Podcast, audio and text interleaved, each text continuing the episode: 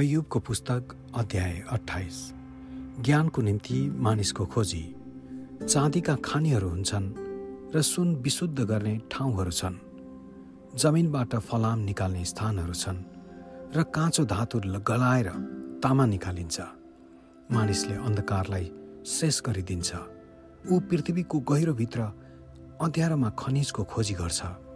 मानिसहरू बसेका ठाउँभन्दा धेरै टाढामा अथवा मानिसहरूका खुट्टाले नटेकेको ठाउँमा उसले खानीमा तल जाने पालहरू खन्छ। त्यही ऊ एकान्तमा डोरीमा झुन्डिएर सुरुङमा काम गर्छ। अन्न उम्रने माटोलाई आगोमा परिवर्तन गरिन्छ। त्यसका चट्टानहरूबाट निर निस्कन्छ र त्यसको धुलोमा सुनका कण हुन्छन्। कुनै सिकारी पक्षीले त्यहाँ जाने बाटो चिन्दैन अनि बाजको तिखो आँखाले पनि त्यो देखेको हुँदैन। रवाफिला पशुले त्यसमाथि टेक्दैनन्। कुनै सिंह पनि त्यहाँ पस्दैन। मानिसले आफ्नो हातले कडा ढुङ्गा काट्दछ र पहाडका फेदलाई उदाङ्ग बनाउँछ। त्यसले चन्टानमा सुरुङ खन्दछ। त्यसले बहुमूल्य पत्थरहरू देख्दछ। त्यसले खोलाका मूलहरू खोज्दछ र जमिनभित्र भएका गार्दनहरू निकाल्दछ। तर बुद्धि चाहिँ कहाँ पाइन्छ? समशक्तिको मूल कहाँ छ? मानिसले त्यसको मूल्य थाहा पाउँदैन। जीवित मानिसहरूको देशमा त्यो पाइँदैन। महासागरको गहिराईले भन्दछ त्यो मसँग छैन।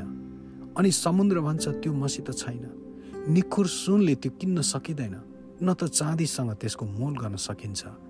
ओपिरको सुनले त्यो किन्न सकिँदैन अथवा बहुमूल्य अनिष्क वा निरसित त्यो किन्न सकिँदैन।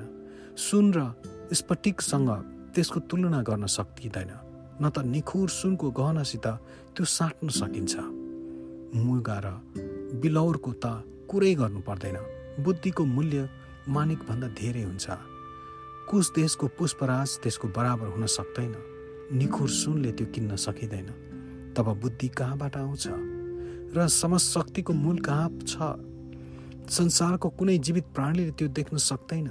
आकाशको पक्षीबाट पनि त्यो लुकाइएको हुन्छ। विनाश र मृत्युले भन्दछन्। हामीले त सुनेका मात्र हौँ। परमेश्वरले त्यसको चाल बुझ्नुहुन्छ। उहाँले आफ्ना मात्र त्यो कहाँ बस्छ थाहा हुन्छ। किनभने उहाँले पृथ्वीको पल्लो छेउसम्म देख्नुहुन्छ। र उहाँले आकाश मुनिका सबै कुरालाई निरीक्षण गर्नुहुन्छ।